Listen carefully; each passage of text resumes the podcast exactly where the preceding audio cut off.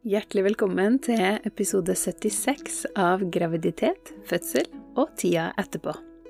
Mitt navn er Anette Hummel, og i dag har jeg med meg Ninni Myhrvold.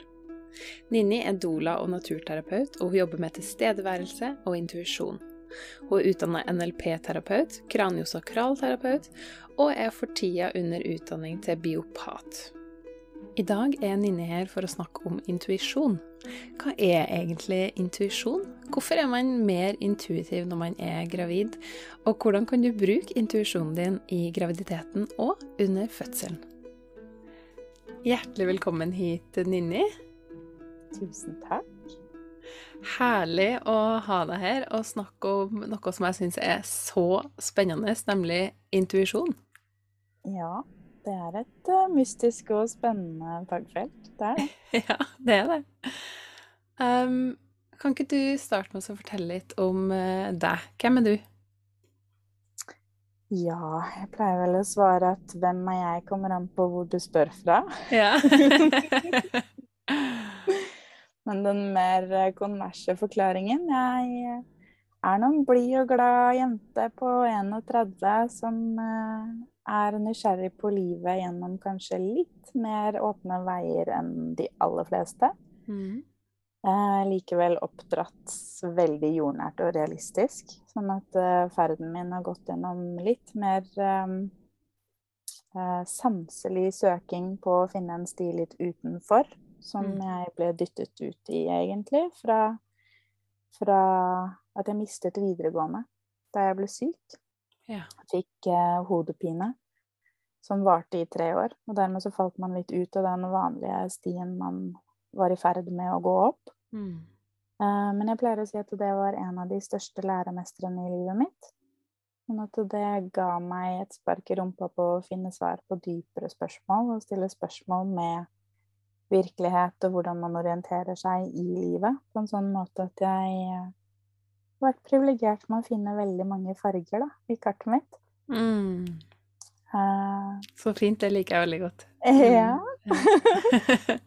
Og så er jeg av uh, personlighetstype en som er programmert sånn at jeg ikke klarer å gå forbi noen med smerte uten å prøve å hjelpe, hvis jeg kan. Mm. Sånn at da har ferden min gått ut på å bruke de verktøyene jeg har funnet underveis til å hjelpe andre, men også lære hva man skal hjelpe til med, og når man skal tillate andre å erfare sin egen reise. oh, det er vanskelig. Mm. Ja. det kan det. Kan absolutt være ganske vanskelig. Men det er også en berikelse når man ser at de vokser, når man ser at de erfarer, og man ser den veksten, eller ja. Mm verdien i at de får lov til å finne sin egen ferd. Ja, ikke mm. sant. Mm. Mm. Uh, og, og for, for, de lytterne som, som liker den, den, sånn helt konkrete versjonen Den helt konkrete Kan du si litt om bakgrunnen din? Ja. Eh, jeg er vel invitert her delvis fordi jeg er interessert i å hjelpe kvinner under eh, svangerskap, fødsel og eh, kanskje enda større grad veilede på fasen derpå. Mm.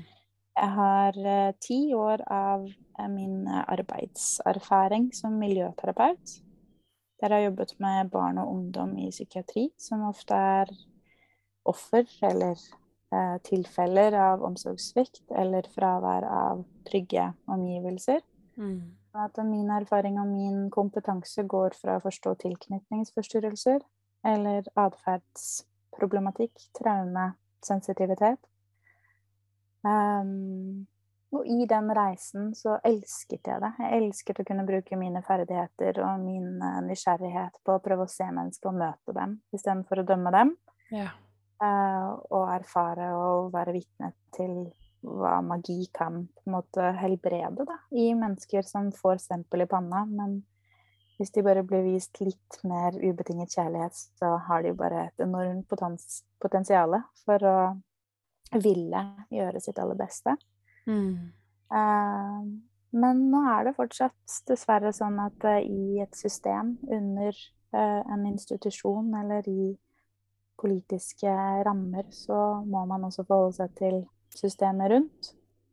Og det resonnerte ikke alltid med mine grunnverdier. Sånn at det i lengden, det gjorde meg ganske sliten og frustrert. Mm.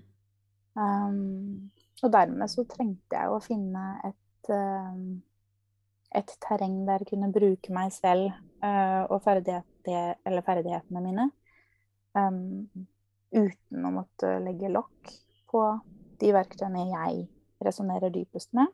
Mm. Uh, og dermed så var det vel noe som dro meg inn som det å bli doula. Mm. Det kunne egentlig, sånn jeg ser det, forebygge da, så mye som mulig, istedenfor å være vitne til ting som allerede har gått ganske skjevkjørt.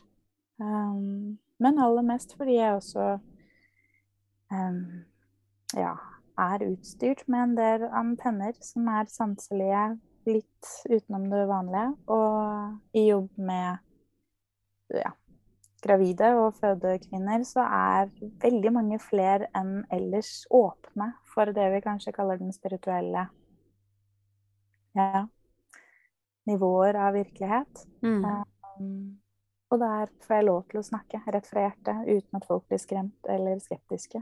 Og så har jeg fått lov til å lære meg et språk som gjør at det kan appellere til veldig mange flere mennesker enn enn bare de svevende og alternativt søkende, da.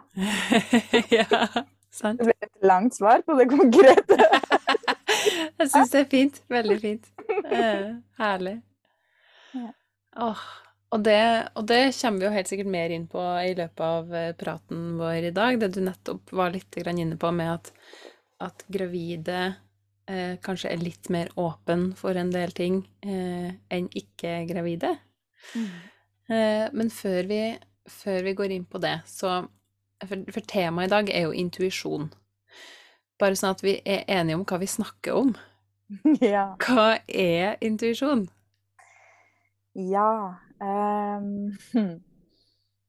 Ja, det er, det er et så stort eh, spørsmål at jeg måtte på en måte ja, samle meg litt. eh, og sortere mine egne tanker, for hva er egentlig det? Mm. Uh, og hvis man skal ha et så, kall det rett frem, uh, konkret svar som jeg klarer å nøste opp i, så er det gjenkjennelse av høyere mønstre. Ok. Eh, det er en måte å forene logisk tenkning med kreativitet. Mm. Det er en måte å forene fortid, altså å gjenkjenne, erfare, innhente erfaring fra fortid, og dermed gjennom den mønstergjenkjennelsen kunne predikere fremtid, eller Mm. kunne ane hva som er rett foran oss, ut ifra den informasjonen vi har tilgjengelig her og nå. Og så er det å forene høyre og venstre hjernehalvdel. Det er å kunne åpne opp på en måte en, en kanal i oss. Eh, noen større spirituelle tradisjoner vil si at eh, hvis du har hodesenteret ditt, hjertesenteret ditt og magesenteret ditt i harmoni, at de resonnerer med hverandre, Mm. så evner vi å bli en kanal der vi åpner opp et enda høyere senter opp og utenfor hodet vårt, som der mottagelig for informasjon som er litt utenfor vår fysiske og materielle virkelighet. Så det er én måte å tilnærme seg intuisjon på. ja. Uh, og samtidig så er det jo Det er eh, det vi vet at vi vet, uten at vi helt vet at, hvordan vi vet det. Ja. Eller at vi ikke nødvendigvis klarer å sette ord på hva vi vet. Vi bare har et instinkt eller en fornemmelse. Mm. Um, samtidig så var vi inne på at det er en knysning mellom logikk og kreativitet. Mange kunstnere har jo en sterk intuisjon, eller mener at de får skaperevnen sin gjennom noe de kanaliserer. Mhm. Vi har store forfattere som skriver bøker ut ifra det de kaller stream of consciousness. Og så er det noen andre som renskriver det etterpå, men måte skapelsen kommer bare som en Ja, som en um, strøm, da, som vi bare blir en mottaker for. Mm.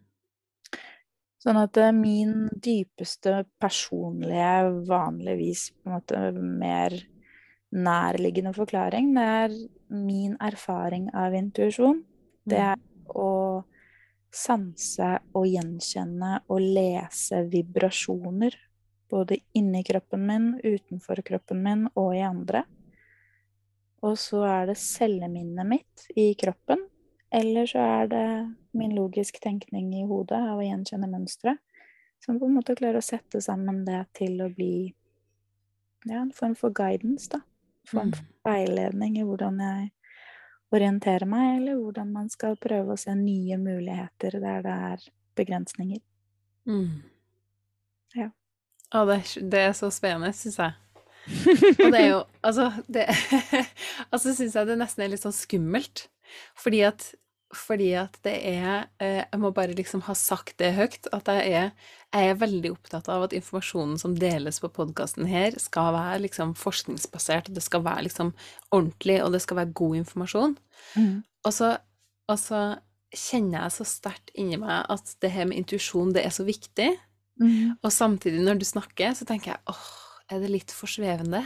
Mm. Er det liksom Er det konkret nok? Det lurer jeg på, da. Ja. Jeg Ja. får en sånn usikkerhet, kjenner jeg. Ja. Og det er vel Det er vel den vanligste eh, ja, Jo, det er nok den vanligste måten å møte det vi kan kalle fenomenet intuisjon, da. Mm. Det er med skepsis. Ja. Ofte sunn skepsis, fordi vi har det man kan kalle falsk gull, da. Vi har de såkalte spåkonene som som finner opp masse ting, eller som lager historier og kanskje sanser seg inn i noe som ja, hvis jeg legger godvilja mi til, så kan det hende at det stemmer. Mm. Eh, sånn at det er, det er riktig å skulle være skeptisk til hele øh, ja, fenomenet intuisjon. Um, likevel så tror jeg at uh, alle mennesker har erfaring av det i større eller mindre grad en eller flere ganger i, i livet sitt. Mm. Eh, men det å konkretisere det Vi har, uh, vi har um, em, Ja, vi har studier som har kartlagt hjernesynapser. Hatt målinger på hjernen og på puls og på en måte forskjellige sanseapparater i kroppen, eller sensorer i, i kroppen. Og så har de satt mennesker foran en skjerm, presentert flere forskjellige bilder som er da såpass sterke at de sannsynligvis vil trigge en form for emosjonell reaksjon. F.eks. søte kattunger eller øh, voldelige scener som måte lager en annen respons. Og så ser de at kroppen og hjernen, enkelte områder i hjernen, reagerer på den følelsen som appellerer til bildet, eh, en brøkdel av et sekund før bildet kommer. Mm. Oi!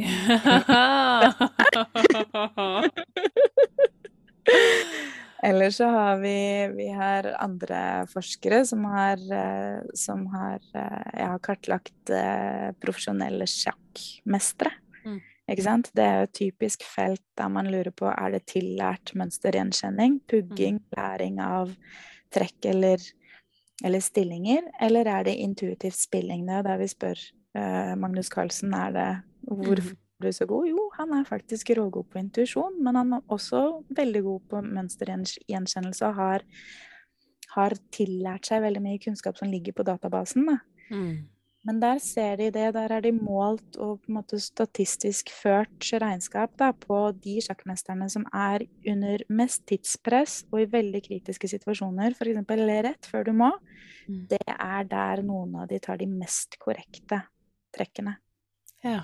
Sånn at når hodet ikke har kontroll lenger, så er det noe annet som skyter igjennom, og så bare kjører, kjører de gjennom. Mm. Og der treffer de spot on. Sånn Wow. at vi har, vi har ja, vitenskapelig tilnærming for å prøve å kartlegge det, men det vil alltid være et ganske abstrakt eh, terreng. Ja. Det vil- Mm. ja, og jeg, li jeg liker det òg, men jeg liker veldig godt at det har begge deler, da. Mm. Det, jeg, det, det gjør det litt mer komfortabelt. Ja. Yeah. um, men hvorfor, eh, hvorfor skal vi snakke om uh, intuisjon når det kommer til svangerskap og fødsel? Hvorfor er det viktig i de sammenhengene? Ja.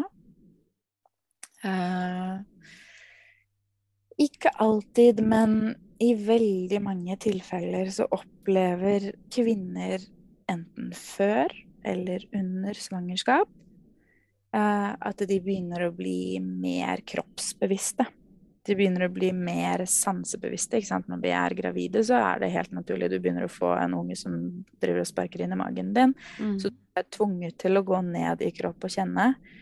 Du merker at ting endrer seg, det vokser, eller det strekker seg, eller det gjør vondter, eller det blir hovent. ikke sant? Det er veldig mye endring. Mm. Samtidig som vi har et eh, innebygd operativsystem som er veldig eh, på vakt. ikke sant? Vi skal beskytte det kjæreste og viktigste vi har i magen. Mm. Sånn at den såkalte alarmberedskapen som ligger der, den gjør jo også at vi er mer høysensitive. Den gjør at vi er alerte. Um, og uh, tilbake igjen til det vi snakket om, at noen vil si at intuisjon er en kanal som åpner seg når hode, hjerte og kropp blir uh, i harmoni. Mm. Så er det også noe med det at når du kommer såpass ned i kropp som det du gjør som, som gravid, uh, så flytter du oppmerksomheten din ut av hodet i større grad. Sånn at du begynner å lytte på en litt annen måte. Og fra naturens side, på en måte biologisk, logisk sett, så er jo det Det er for å være på vakt hvis det er noe som går gærent. Vi, vi, har en form for intuisjon som sier at den maten vil vi ha mer av, eller den maten vil vi ikke ha. Uh, og vitenskapen kan bekrefte at de som mavler leverpostein, ja, de har faktisk jernmangel, da. Ikke sant? Mm. Eller de som ikke vil ha kaffe, de vet kanskje et eller annet sted instinktivt Min mamma visste ikke at man ikke skulle drikke kaffe da hun var gravid med meg, men hun skygget banen instinktivt. Og da er det noe i kroppen som sier at nei, koffein er ikke helt greia nå. Selv om mm. du er veldig glad i det til ellers. Sånn at vi, vi har jo en, en, form for kroppslig intelligens, da, som er um, ja, vårt eget alarmberedskap som sier hva som er trygt og hva som ikke er trygt. Mm.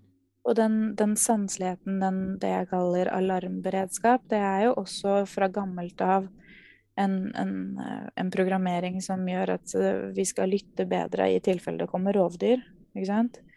Vi skal kjenne på oss hvis det begynner å være skogbrann i nærheten. Vi skal, vi skal være mer utvidet da, i sanseapparatet vårt for å fange opp farer før, sånn at vi skal kunne handle deretter. Ja. Um, sånn at det er den mer, kall det jordnære forklaringsmodellen på hvorfor vi blir mer intuitive. Mm. Mens fra mitt litt mer svevende alternative perspektiv så vil jeg da si at uh, du blir også en bærer og en kanal for sjelen til det barnet du skal bære frem. Mm du, du, blir tvunget til å utvide bevisstheten din til et større felt enn det som bare er ditt. Ja. Jeg kan si et, eh, et type ganske vanlig brukt, men for så vidt veldig betegnende bilde av konseptet bevissthet. Det er at hvis vi ser for oss at det kollektive bevisste, da, altså et type materie eller felt som er i oss og utenfor oss, det er som et stort hav.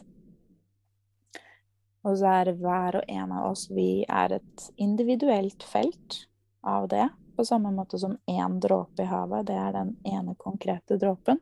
Mm. Og så vokser vi, og vi har omgivelser, vi har foreldre som gir oss oppdragelse, vi har skolesystemer eller arbeidsplasser eller livserfaringer som gir oss former for strukturer eller såkalte programmeringer som på en måte blir vår personlighet eller vår egostruktur, som vi kan si at er en form for hinne da, på den dråpen, som kapsler oss inn til å bli mer og mer vårt individuelle uh, uttrykk. Mm. Uh, og når vi blir gravide og blir ja, befruktet da, av en annen dråpe som ikke har blitt programmert av planeten jordas eh, avtrykk, i hvert fall. Det er bare et klart, rent lys av et felt som foreløpig er helt ja, nakent. Mm. Uh, så krever det at mor også åpner seg og utvider seg litt. Noen av de strukturene som vi frem til da har hatt som vår personlighet eller våre egostrukturer, de blir sprengt i stykker. De blir på en måte utvida i så stor grad at vi begynner å stille spørsmål om bare Hæ, det der kan jo faktisk ikke stemme. Eller du kjenner at uh, den jeg har vært, eller det individet jeg har vært, det har nå null kontroll over hva som skjer i kroppen min. Jeg må dele spacet mitt med noe alienaktig som driver og kryper inni kroppen min. Uh, og du må på en måte kjenne på det der med å være symbiose da, med et annet menneske i kanskje enda større grad enn hva man har vært med elskeren sin eller andre nære relasjoner i tidligere erfaringer. Og gjennom det så blir man også mer åpen for å kjenne, kjenne forskjellen på å være én og i så dyp kontakt med en annen. Mm. Og så tror jeg at det, det intuitive arbeidet, eller den utvidelsen av bevisstheten vår, eller ja, sanseligheten som øker da, under svangerskapet, det er jo også en veldig, veldig viktig forberedelse på tiden med spedbarn når barnet ditt ikke, ikke, kan si 'hei, mamma, jeg har vondt i magen', men du skal høre på gråten. ikke sant? Du skal høre på alle de lydene, hva som er hva. Ja. Du lære deg å sanse og lese et nonverbalt språk. Mm. Vi har uh, Montessori, som på en måte ligger bak en, en hel tradisjon av et utdanningssystem hun var observerende i terrenget med små barn i veldig veldig lang tid for å kartlegge mønstre, for å kartlegge atferd, for å kartlegge hvordan reaksjonsmønsteret til enkelte mødre var. Mm. Og hvordan det responerte med, med barnets atferd. Og hun kunne se at det, barn som ikke engang hadde lært seg å krabbe, eh, kunne ligge og gråte og være frustrert. Og så ser du at det er en mor som klarer å kjenne at det er fordi skoene i gangen står i hulter i bulter det er uorden i måte, et system som de har vant til å kartlegge inni sin synsvidde. Oi. Og da hun satte skoene på plass, så var ungen fornøyd. Og hvor i vårt logiske syn skal vi tenke at mm, selvfølgelig, vi må bare sette skoene på plass. Er det en nonverbal kommunikasjon da, som gjør at det er en selvfølgelighet for mor. Ja. Men da skal du være påkoblet. Da skal du klare å, å lese informasjon fra andre sanseapparater enn det verbale språket vi er vant til å tolke virkelighet gjennom da, som menneske. Mm. Ja. Wow. Mm. Virkelig, altså. Og det er jo Jeg kjenner det jo igjen også. Har jo, jeg har jo en datter nå som er seks måneder. Og både fra, liksom, fra graviditeten og, og spedbarnstida også, at det var på en måte det, det var en del ting som dukka opp i løpet av graviditeten som var sånn Nei, men det som, jeg, det som, jeg, hadde bestemt meg for for to måneder siden, det blir helt feil. Jeg kan ikke gjøre det. Mm. Så kan jeg ikke forklare hvorfor. Mm. Jeg har ingen logisk forklaring på det overhodet, men det blir helt feil. Mm. Mm. Så det må vi bort ifra. Vi må gjøre det annerledes. Mm. Klarer du å huske hvordan du fikk den informasjonen? Kjente du den i hodet ditt, i hjertet ditt, i kroppen din, eller var det på en måte bare en, en viten som satt i ryggraden? Mm. Ja, det er et veldig interessant spørsmål. Om jeg klarer å huske det, ja. Det ble nesten Jeg klarer ikke helt å plassere det i kroppen, tror jeg, men det ble en sånn slags aversjon mot, mot den tingen, da. Eller det mm. som, det som var et nei. Det, ble en sånn åh, åh nei, det, det, føles ubehagelig. Mm. Mm. Så et form for instinkt, da, som er et annet, mer relaterbart ord for enkelte. Ja. Men som egentlig er mer eller mindre mye av det samme. Mm. Mm. Det er så spennende, altså. Kjempe. Og så er det Men det er jo, det er jo vanskelig, da, når man, når man, er Altså fordi at det er, så, det er, så, typisk da at man på en måte får en sånn følelse, for eksempel, eller, eller en tanke, eller en, eh, en viten, som du kalte det. Eh, og så har man jo Man har jo et valg hva man gjør med det.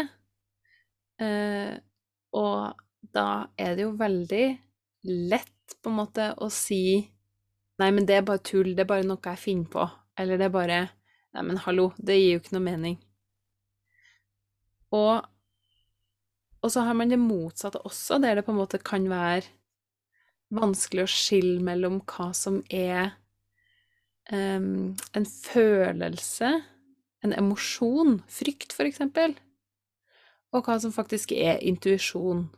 Er det intuisjonen min at jeg skal gå til høyre i stedet for til venstre, eller er det fordi at jeg er litt redd for det som er til venstre, men det er egentlig dit jeg skal? Ja.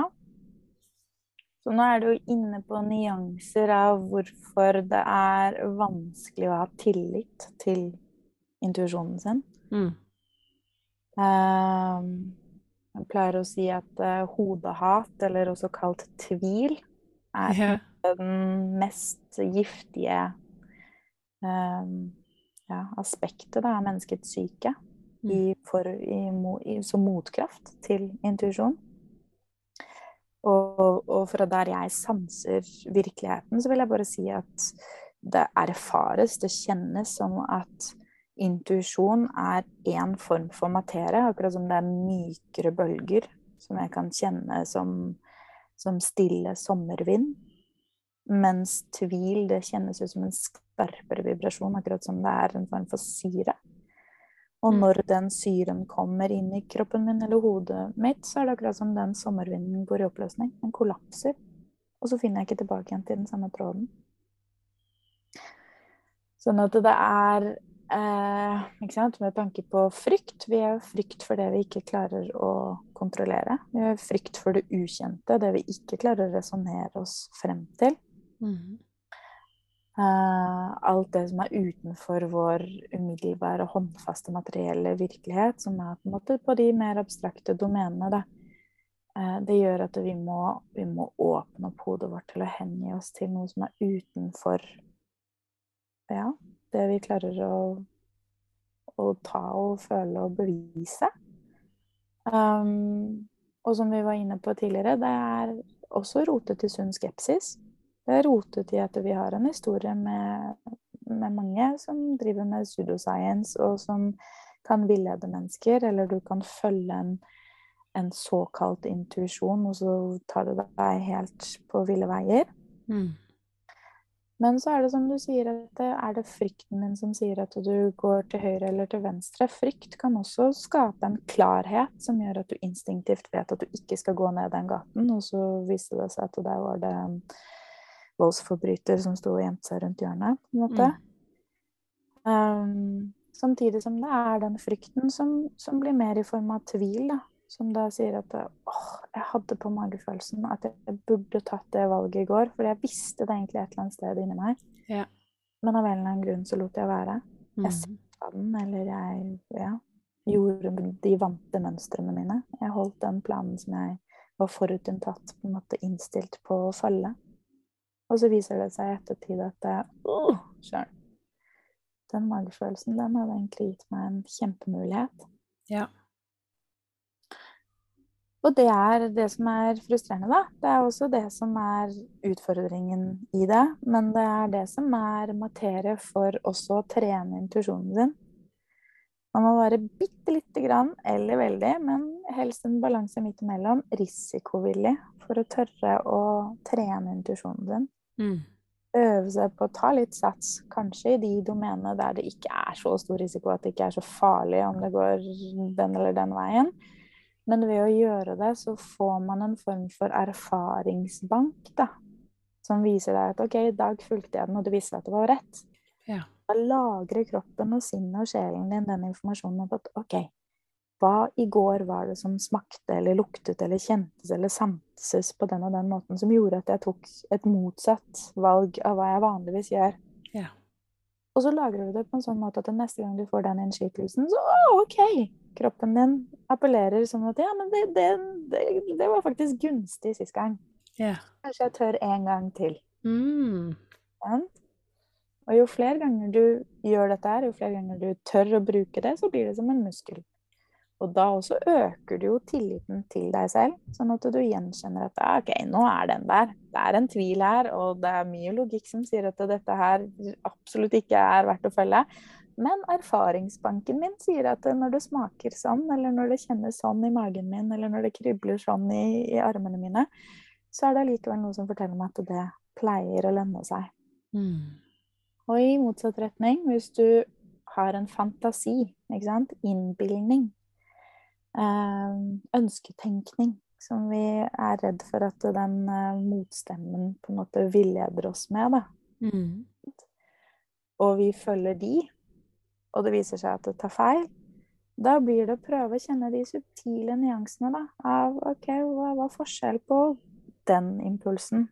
Mm. Kom det fra en selvlagd stemme inni hodet som på en måte ville det veldig gjerne? Og dermed på en måte skapte en form for innbilning?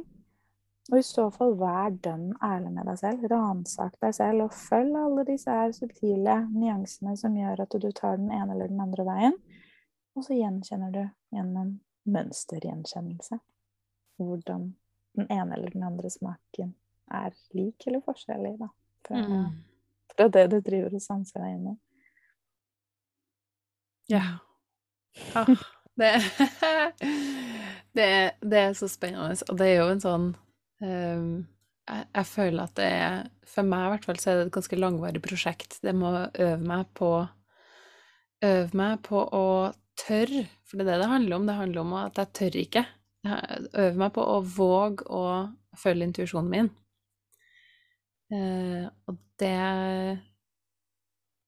Ja, men jeg, jeg syns det er veldig fint det du sier, da. At det på en måte Det, det der med den erfaringsbanken. Mm. At hvis man øver seg med små ting, så vil det bli lettere også med de større tingene. Mm. Men hvis jeg spør tilbake igjen, da. Hva er det som f.eks. fikk deg til å starte med det du driver med nå? Hva er det som fikk deg til å igangsette podkast eller gå inn i Dola-prosjekter? Ja. Det er Jeg, har ikke peiling. jeg vet ikke. Nei, fordi så vidt jeg vet, så er det ingen studieveiledere som har det på lista si. Nei. Nei, det er det ikke. Og jeg er jo egentlig dramalærer. Jeg er jo utdanna dramalærer. Jeg kan ikke si lenger at jeg er dramalærer, for det er jeg ikke. Jeg jobber ikke som det. Men eh, jeg er utdanna det. Men eh, det som er veldig spennende og veldig interessant, er jo at jeg var jo på den første workshopen med Dolaskolen i 2018. Mm. Um, og da jeg var på den workshopen, og året etter, når jeg var med på en Spinning Babies-workshop i 2019, Mm. og jeg kjente veldig sterkt at eh, når jeg gjør det her, så føles det lett. Yeah. Det føles ikke vanskelig. Jeg trenger ikke å Jeg trenger ikke å kjempe, jeg trenger ikke å Jeg trenger ikke å på en måte jobbe så hardt. Det Mm. bare føles lett. Mm. Masse muligheter bare åpna seg, og alle menneskene var så varme, og jeg tenkte bare det her er jo Altså, tenk om man kan leve sånn. Mm. Naturlig flyt, uanstrengt. Ja. Ja. Rett og slett sånn uanstrengt. Uanstrengt er et veldig godt ord. Mm. Um, men så var jeg ikke Jeg var ikke tøff nok. Og jeg tror ikke det hadde vært riktig timing for meg heller, for i 2018, da jeg var på workshop, så hadde jeg akkurat hatt en spontanabort. Um, og jeg trengte jeg trengte å jobbe en del med det før jeg kunne gå inn i doula-yrket, logisk nok. Mm. Um, men likevel så ble det helt riktig for meg å gå inn i doula-yrket før jeg ble gravid med dattera mi. Mm. Og det var jo helt Jeg kan ikke jeg, Altså, det har ikke noe logisk forklaring. Det er bare en Det bare føltes lett, og det føltes riktig. Eh, og det gjør det egentlig fortsatt. Mm. Mm. Og hvis jeg da sier at jeg stiller det spørsmålet, selv om jeg er på podcast, så er jeg så heldig av å ha et bilde av deg foran meg. Mm. Så kan jeg se at med kroppsspråket ditt så peker du mot hjertet ditt Ja. når du leter etter svar. Og så ser jeg at det blir litt rødere i skinnene dine, akkurat som du får en helt egen glød.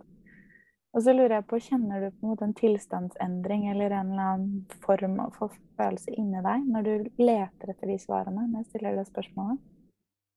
Mm. Det er sånne ting som jeg ikke har øvd meg på å kjenne etter. Mm. Men nå når du spør om det, så får jeg veldig lyst til å kjenne etter. det første som slo meg når du spurte om det, uten at jeg vet om det faktisk er sånn, det var varme. Ja. At det er en sånn slags varme og mykhet.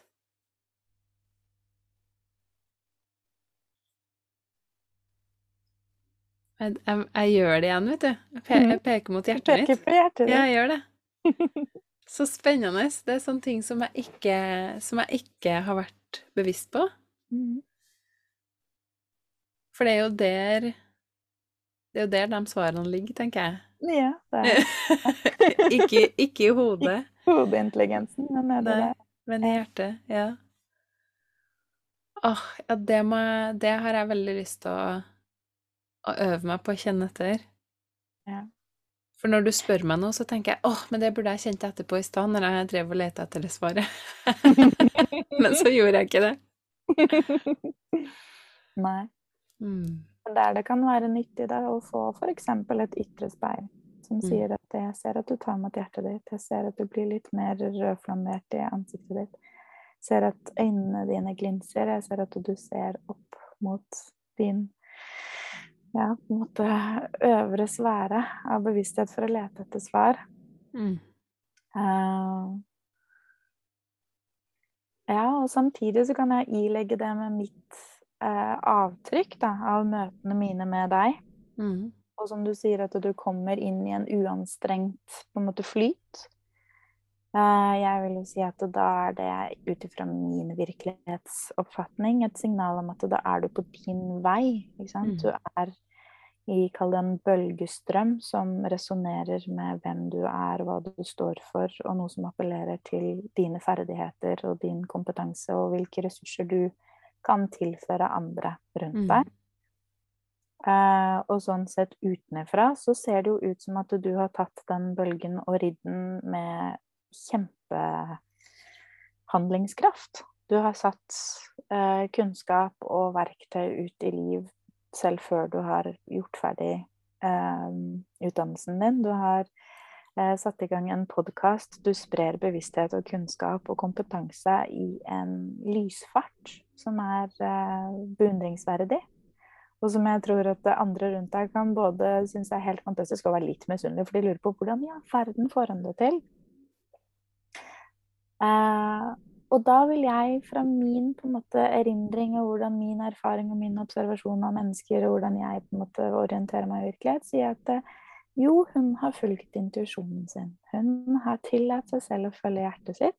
En veiledning eller en intuitiv på en måte pekepinn som har ført henne inn på en sti som er hennes vei. Og på den måten så får du mer vind i seilene dine. Akkurat som du får din variant da, av stream of consciousness. Som gir deg mer bensin på bålet, eller mer livskraft, eller mer inspirasjon og motivasjon til å bare stå opp og ha masse kreativ eh, glede til å bare «Ah, Jeg må bare sette det ut i liv. Det er ikke det at det er slitsomt og vanskelig, det er bare det at jeg, jeg klarer ikke å holde tilbake. Det, det må bare ut. Ja. Ja. Ja, og det, det er akkurat sånn. Det er akkurat sånn. Ja, jeg syns det er så fint, fordi at du Du, altså Du ser jo masse som jeg på en måte opplever som Altså, du ser masse fint om meg og det jeg gjør, og det jeg har fått til, og det syns jeg er veldig fint. Tusen takk. Og så, og så samtidig så, så føles det så Det føles så sant, da, det du sier. At det er ikke Fordi at jeg får det spørsmålet ganske ofte. Hvordan, hvordan gjør du det her? Og du har jo en baby, og du Altså podkast, og du driver og jobber, og doula, og sånn og sånn. Og så, og så tenker jeg, ja, men det er ikke Jeg gjør ikke så mye. Det er ikke Det er jo ikke det at jeg gjør så innmari mye, men det er akkurat som du sier, da, at det er så Det føles lett. Mm. Og jeg vet jeg vet at det her føles lett fordi at jeg har prøvd noe annet. Jeg har prøvd å være dramalærer i flere år, og det var skikkelig, skikkelig krevende. Mm. Fy søren, det var tøft. Og det var så tungt, og hele det studiet Jeg, jeg bare pressa meg gjennom det studiet, for jeg skulle på død og liv fullføre det studiet, sjøl om jeg hata det. Mm. Eh, og det her er noe helt annet. Det jeg driver med nå, er noe helt annet. Mm. Mm. Da vil jeg i mitt språk si at det er et univers som bejaer det du driver med nå. Ja. Ja. Ikke sant? Mm. Og det er Det er faktisk så Det der med vind i seilene, jeg likte den veldig godt. Fordi at jeg Jeg fikk ideen om å starte podkast seint en kveld et, etter at jeg hadde lagt meg. Mm. Og så kom det så mye ideer at jeg ikke Jeg kunne jo ikke, jeg kunne ikke legge meg til å sove, så jeg måtte skrive det ned. Mm. Eh, og neste La meg, la meg stoppe deg. Ja. Hvorfor hadde du behov for å skrive det ned? Eh, fordi at eh, jeg det, det var mer enn jeg Altså, jeg, jeg klarte ikke å, å huske det. Jeg, jeg kom ikke til å huske det. Mm. Det gikk så fort. Det gikk så fort. Ja. Nesten som en nedlasting. ja Mm. rett og slett. Nesten som en nedlasting. Som en nedlasting. Hvis jeg sier at det er andre som har en på en måte intuitiv tilnærming til virkelighet, da. Mm. De sier at rett før de sovner, eller hvis de er påvirket av substanser, eller hvis de mediterer og går inn i en form for transelignende tilstand, Mm. så kobler de seg på en strøm av kreativ informasjon som går så fort at de bare må skynde seg til en penn. Veldig mange kunstnere ser man i ettertid har skriblinger rundt om på veggene sine inni aviser. Altså det, det er overalt, fordi Ja. de har ikke tid til å finne frem et ordentlig papir. Det bare må ut. Ja. Eh, og noen vil da si at jeg måtte bare skynde meg før jeg mistet tråden. For jeg mistet Jeg ville ikke at det skulle glippe ut av hendene mine. ja. Så ja, jeg vil jo si at det var en, et eksempel da, på hvordan du også kan kanalisere din intuisjon. Ikke sant? Mm. Ja. Men det er akkurat sånn. Det er den følelsen av at hvis jeg ikke skriver det ned nå, så glemmer jeg det. Mm. Da har jeg mista den. Da har den på en måte bare da, da kom den, og så bare gikk den forbi, og så tok ikke jeg tak i den. Mm. Jeg var ikke rask nok til å ta tak i den. Mm. Sånn føles det. Mm. Men jeg stoppet deg. Du tok tak i den. Jeg tok tak i den, og så eh, neste, neste morgen, når jeg så over det jeg hadde skrevet ned, så hadde jeg ideer til over 40 episoder. Mm. Eh, og produktiv liten kvelds... ja, veldig. Veldig. Og da var det så Det føltes så eh, på en måte både riktig og lett og alt det der, at, at altså, det gikk ikke en måned engang, så var første episoden ut. Mhm. Det gikk så fort. Mm. Så den kreative, kall det strømmen, da, den ble også etterfulgt av en manifesteringsevne. Ja, Mm. Så nydelig. det ble den. Mm. Det er sant. Mm. Fint. Det er så artig uh, Ja, det er så deilig å på en måte bare uh, gi betydning til opplevelsen. Mm. Det merker jeg at jeg liker veldig godt. Mm. Um, det er jo Du har jo allerede sagt at man kan lære seg å lytte til intuisjonen sin. Mm. Altså hvis man Hvis man ikke er vant med det overhodet, hvis man er vant med å bare totalt skyve bort intuisjonen, eller ikke lytte til den i det hele tatt, og bare gå for det logiske eh, at, eh, at man hele tida analyserer, researcher og tar det, det smarteste valget. Hvordan kan man starte med å, hvis man ønsker da, å begynne å lytte litt mer til intuisjonen sin, hvordan kan man begynne med det? Eh, godt spørsmål. Det er um, Ja, som vi var inne på tidligere, eh, når vi ehm, touchet intuisjon og gravide, så snakket vi om det å flytte bevisstheten vår fra hodet og ned i kropp. Mm. Og som du sier når vi leker oss litt inn i ditt personlige terreng, du peker mot hjertet ditt. Og du ser ganske raskt at å ja, det er ikke den samme intelligensen som jeg vanligvis bruker oppi hodet. Det er ikke det mentale. Det er noe inni hjertet mitt, en annen form for intelligens. Sånn at det første trinn for de som er helt uerfarne, så er det å øve seg på å komme ned i kropp, rett og slett tørre å sanse armer og bein. Uh, I mange av de største spirituelle skolene så, så, mener de at å flytte bevisstheten ned i noe som heter Katt-senteret, eller Dantien, eller Hara-senteret, kommer litt an på hvilke tradisjoner du, du, følger, men det er i hvert fall et, et senter som vi på godt kava-norsk da, ville si magefølelsen. Mm. -hmm. Det ligger noen fingerbredders avstand på nedsiden av navlen vår.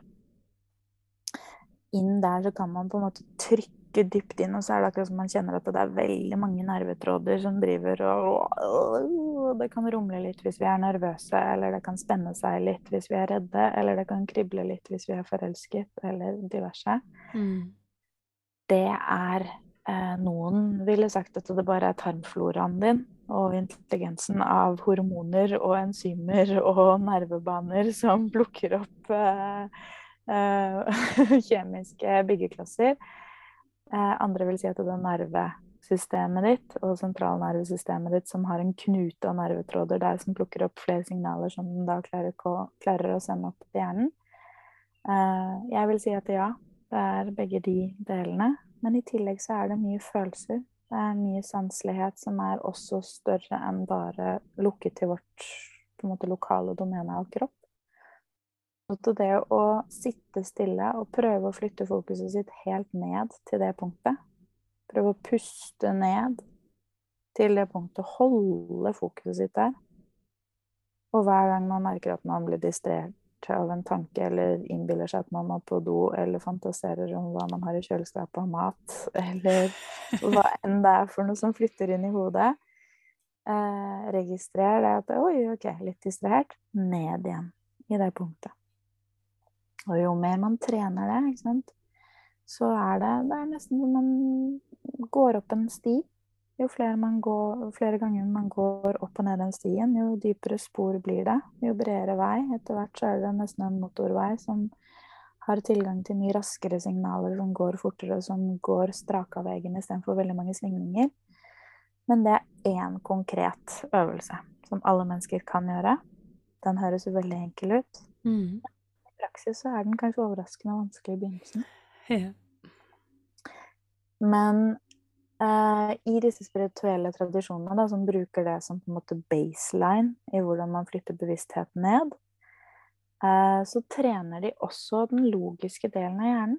Sånn at den ber oss om, eller de ber oss om, eller veileder oss eller peker oss i retning av å drive med matte. Løse fysikkoppgaver. Uh, trene på hjernetrim av alle form for grublisser eller Eh, ja, quizer av diverse eh, øvelser. Både for å sortere og skjerpe den delen av hjernen, sånn at informasjonen kan sorteres og resonneres skarpere og raskere. Eh, men også fordi vi krever kreativitet til å prøve å lete etter løsninger der svaret ikke er opplagt. Ikke sant? Sånn at det er også å trene nervetråder oppi hodet til å trene oss å tenke på en viss måte. Og når vi knytter den intelligensen nede i magen vår, også med hjertet vårt og hodet vårt, så begynner vi å nærme oss noe. Men sånn som vi var inne på tidligere, at når vi blir gravide og vi kobler oss på et annet felt, en, en annen sjel, så sier vi at da åpner vi på en måte opp vår egen innkapslede dråpe til å bli noe større, noe nytt. Eh, så vil jeg si at den sterkeste øvelsen etter min livserfaring for å rydde ut alt det som eventuelt blir støymomenter, da, som forårsaker tvil eller forårsaker eh, mønstre som, som, gjør at jeg går på autopilot istedenfor at jeg tør å tenke nytt, istedenfor at jeg tør å ta den impulsive innskytelsen som er litt utenom det vanlige. Mm. eh, så må vi tørre å bli bedre kjent med oss selv. Vi må tørre å lytte inn, se hva er det som er trosystemer som vi har tillært oss. Om det er mamma som har fortalt meg at jeg må følge den og den måten å tenke på fordi det er hennes riktige måte å gå fremover i verden. Eller om det er pappaen min sin livserfaring fra skumle traumer i hans liv som gjorde at eh, han overbeskyttet meg mot de erfaringene i mitt. Sånn at det da på en eller annen måte så er en innbilning om at jeg ikke skal gjøre det og det fordi det er farlig. Alle sånne typer nyanser av å bli bedre kjent med vår indre virkelighet, av hva som ligger som grunnlag da, i hvilke dømmekraft eller beslutningsvegring vi har. Jo bedre kjent vi blir med det, jo klarere blir Ehm, ja, stillheten inni oss, jo klarere blir sanseligheten vår til å klare å plukke opp da, de impulsene eller de innskytelsene eller de kreative trådene, som du sier at på kvelden når du legger deg for å sove, når kanskje vårt vanlige mentale selv er slitent og litt sånn på kanten inn i drømmeverden, når vi er på en måte sånn mellomstadie, plutselig så kanskje vi åpner opp for en sånn strøm. Ja. Eh, men det skal være litt stille, da. Oppi det der skravle... skravletårnet oppi topplokket. Ikke sant. Mm. Ja. Det er noe med å, å tillate. Ja. Gi det rom. Ja. Det er veldig viktig å tillate. Og ha tillit. Ja, ikke minst. Jo bedre du også kjenner deg selv, jo, jo, lettere er det å nyansere på hva er denne ønsketenkningen min, og hva er det som egentlig er impulser som ikke er skapt fra meg, men som jeg plukker opp fra et eller annet sted. Som jeg ikke helt nødvendigvis vet hvor, men jeg bare aner det. Men da må du kjenne deg selv for å klare å differensiere mellom de terrengene. Ja. Mm. Og det er ikke bare bare. Definitivt ikke bare bare. Nei. Det er en evigvarende reise, og det er en muskel som alltid må trenes. Og intuisjon er ferskvare, selv om mange vil si at jeg har en sterk intuisjon. Hvis jeg går inn i andre livsterreng der jeg ikke bruker den, der jeg fokuserer på helt andre ting, så blir den også sløvet ned. Mm. Og så må jeg på en måte pusse av støvet eller ja, løfte noen flere vekter eller rydde opp i det som eventuelt har hopet seg opp av uh, informasjon som klogger den kanalen, da. Ja. Før det blir klart igjen. Sant. Mm. Mm. Men hvis vi, hvis vi, går inn i fødsel, mm. eh, hva kan man bruke intuisjon til i fødsel? Ja mm. Fødsel er jo i veldig stor grad um, det å gå ut av mental kontroll. Sant? Vi må hengi oss til kroppen vår, og vi må tillate kroppen vår å gjøre noe vi ikke nødvendigvis er klar over at den kan.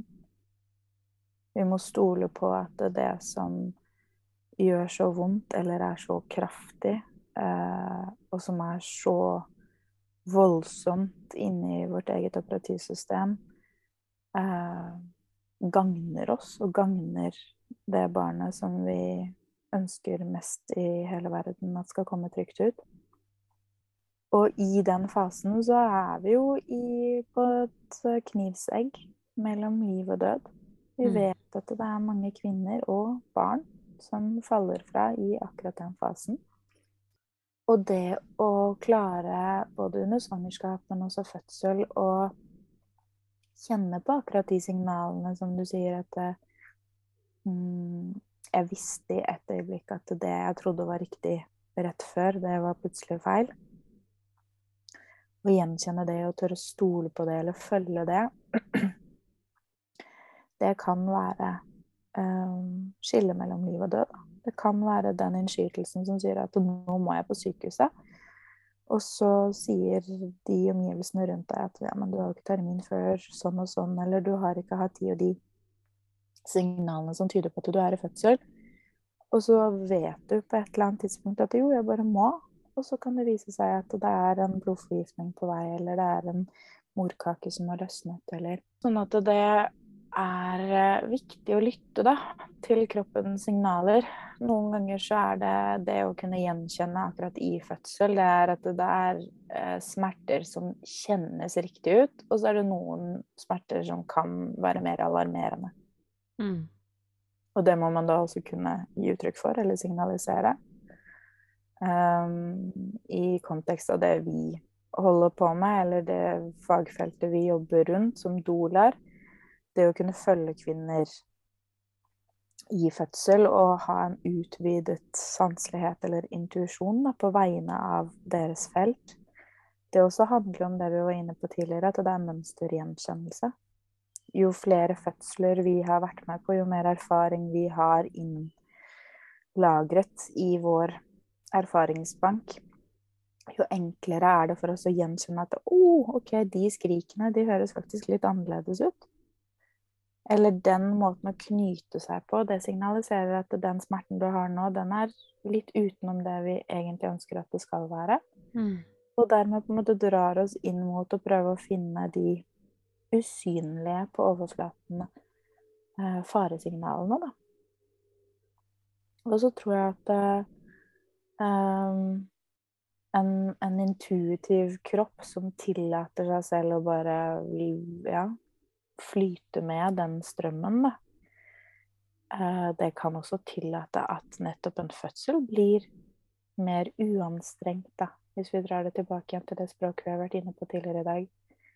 Sånn at ved å hengi seg til de bølgene, ved å hengi seg til den strømmen av energi som reiser gjennom kroppen vår, så kan vi, vi kan la, la de bølgene gå så smertefritt som overhodet mulig.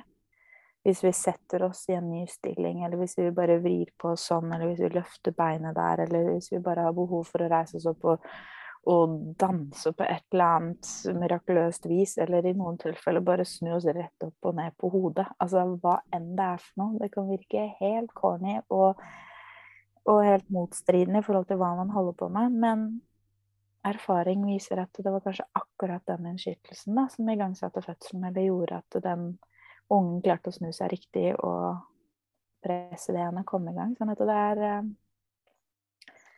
jeg tror det er veldig viktig å tillate seg selv å lese de signalene som vi ikke helt vet hvorfor vi vet, vi bare vet de, akkurat i, i tilfelle med fødsel. Mm. Ja. Og den, den, informasjonen er ikke bestandig så lett å komme til hvis at man er eh, Altså hvis at en kvinne får lov til å føde i fred, så er det mye lettere å komme til den informasjonen enn hvis man stadig blir forstyrra eller ikke får lov til å være i bobla si, da. Eller det er mye intervensjoner, f.eks., så er det vanskeligere å finne den, den uh, intuisjonen. Mm. Mm. Så vi var inne på tidligere at tvil, i hvert fall i min virkelighet, kan oppfattes som én form for frekvens, som på en måte kollapser en annen bølge. Og sånn er det jo også når vi har andre mennesker som kommer inn i vårt space. Bare om de kommer inn i rommet, men i hvert fall hvis de tar på kroppen vår. Mm. Så får vi informasjon og vibrasjoner og emosjoner og tanker fra det andre mennesket. Som kommer inn da, i vårt eget sanseapparat. Da blir det akkurat som vi hører på en fantastisk sang på radioen, og så plutselig kommer det inn noe skur fra en politiradio som kjører forbi. Ikke sant? Det, det blir ganske forstyrrende. Ja. Kanskje i så stor tilfelle at du ikke husker hvilken sang du hørte på før de signalene kom inn og forstyrret. Og da, da, kan det i visse tilfeller, når man erfarer så intense erfaringer eller smerter i mange tilfeller, eh, trigge et alarmberedskap som gjør at vi knyter oss, spenner oss, blir redde, føler i enda større grad at vi faller ut av kontroll. Og dermed så har vi et nervesystem og et muskelapparat som spenner, og det igjen fører til mer smerte og potensielt komplikasjoner. Mm. Sånn at det er i aller høyeste grad viktig å få lov til å tillate seg selv, men også tillate kvinner i fødeposisjoner og situasjoner um, å være mest mulig uforstyrret. Ja. Mm. Mm. Ja. Det er vi helt enige om. Ah, fint. Å, så mye fint! Så bra. ja. Jeg blir helt sånn varm. Så deilig. ja, det er det. Det er ordentlig fint. Um, jeg lurer på om eh, du har noen ressurser som du kan anbefale til gravide eller småbarnsforeldre, eller Altså liksom bøker eller podkaster eller filmer eller Oi. Um, jeg tror kanskje den største ressursen jeg kan stå for personlig, og dermed ønsker å inspirere andre til å integrere, da, det er at det fins masse podkaster, det fins masse bøker, det fins masse filmer, det fins YouTube-kanaler. Det er en drøss av informasjonskanaler som jeg er sikker på at de aller fleste i vår tid klarer å lete seg frem til. mm. Det fins mye tilgjengelig, og det er fantastisk. Eh, ta det inn. Følg din magefølelse eller anbefalinger, og på en måte bare let deg frem til det du skal eh, lese. Hvis du plutselig finner deg selv å ha fem bøker foran deg, men det var én som oppmerksomheten din går mot hele tiden, eh, så vil jeg kanskje anbefale deg heller lese den tre ganger enn å lese alle de fem andre. Ja. Um, men jeg tror at det å ta til seg informasjon grundig, ikke bare overstrøm hodet ditt med masse, masse, masse fordi du, du tenker at mye og mer er bedre, men gå dypt. fordi gjennom å ta det inn dypt, reflektere, tenke over det, stoppe opp, fordøy det du faktisk leser, gå inn i deg selv, kjenne etter hvordan lagrer det seg, hvordan reagerer jeg, og hva er mine egne tanker rundt dette her. Så ikke bare lagrer du det dypere, og du tar mer eierskap i din personlige utgave av det du tilegner deg. Um, men gjennom det så får du også med en måte kanal som åpner opp for mye av den samme informasjonen som står i alle de fire andre bøkene. Så det er samme felt. Det er samme forståelse, det er samme kunnskap, bare sagt på forskjellige måter. Og gjennom å lese dypt, eller ta inn dypt, lytte dypt, se dypt, um, så er det aller, aller viktigste det er å finne din sannhet. Å finne hva som er riktig for din kropp, hva som er riktig for dine omstendigheter, din familie. Hva, hva kjenner du at resonnerer som sant i deg? Eh, og følg det. Og så alt det andre du har tatt inn, det er greit, men slipp det også. Tillat deg selv å stole på at det du skal huske, det du skal ha lært deg, det ligger der når du trenger det. Eh, men at det på et eller annet vis det blir din kunnskapsbank, da, som er næring eh, for operativsystemet ditt til å ta samme og intuitive valg som resonnerer med ditt hjerte og din, eh, din personlige indre veileder. ja. Ja. Det er en mye bedre ressurs enn eh, en liste med bøker. Takk. Så bra. ja. Kjempefint. Eh, du er jo ikke på noen sosiale medier eller noe sånt. Nei. Nei. Men eh, har du lyst til å dele noen form for kontaktinformasjon eller noe sånt hvis noen har lyst til å få tak i deg? Ja, eh, jeg tror jeg ligger ute på Dolaskolen sine hjemmesider. Ja. Så man kan finne et lite bilde av meg og navn og e-mailadresse og telefonnummer der. Ja. Så Det, det finnes muligheter for å få kontakt. ja. Um, ja. Og jeg eh, er veldig takknemlig hvis de som kjenner i hjertet sitt at de blir uh, intuitivt dratt mot å søke veiledning eller uh, bistand fra meg, uh, om at de tar kontakt. Mm. Jeg, så langt på min ferd så har jeg fått lov til å få følgesvenner, som jeg kaller det, men andre ville kanskje sagt klienter, Um, der alle sammen lærer meg noe nytt. Mm. Og så lenge alle lærer meg noe nytt, så er det et sant og et felt og et nysgjerrig, um, bevegende materie som gjør at eh, vi, vi alle lærer. Og da, da er det vekst, da er det utvidelse og forståelse. Og da, da klarer man også å skape skape den, den strømmen eller den kraften eller den kreativiteten som gjør at vi, vi finner nye løsninger på de flokene som vi kanskje står og gnager på på hver vår kant. Mm. Ja. Fint. Tusen takk. Selv takk. Og ja, tusen hjertelig takk for at du kom, Nini. Det har vært en gave. I like måte. I like måte, Anette. Jeg er veldig, veldig takknemlig for at du både inviterer meg til podkasten, men også at du deler så mye av det lyset og den kraften som du har fått lov til å koble deg på. Åh. takk for det. Takk for at du hørte på graviditet, fødsel og tida etterpå. Hvis du liker denne podkasten og har lyst til å bidra litt, sånn at eh, jeg kan fortsette å lage viktig og relevant innhold til deg som lytter, så setter jeg kjempestor pris på at du går inn på anettehummel.com podkast med K, og støtter podkasten med et lavt beløp i måneden. I gjengjeld så får du litt uh, forskjellige spennende ting av meg. Blant annet så får du tilgang til reklamefrie episoder, og du blir lagt til på nære venner-lista mi på Instagram, uh, der du får muligheten til å bidra uh, på en unik måte til innholdet i podkasten. Og det gjør du ved å f.eks. være med og bestemme hvilke spørsmål jeg skal stille til gjester, hvilke gjester jeg skal invitere neste gang, i tillegg til at du får Um, litt sånn spesielle behind the scenes-klipp, uh, litt bloopers, den typen ting. Uh, og litt sånn uh, ja, hemmelige klipp som ingen andre får lov til å se. Gå inn på anettehummel.com podkast og støtt podkasten, sånn at jeg kan fortsette å lage denne ja, det her viktige innholdet, sånn at så mange som mulig kan få en fin graviditet og en fødsel etter deres egne ønsker. I tilfelle det var noen tvil, så vil jeg også nevne at jeg ikke er verken lege eller jordmor. Temaene som tas opp på denne podkasten, er kun ment som generell informasjon, ikke som råd eller oppfordring til handling.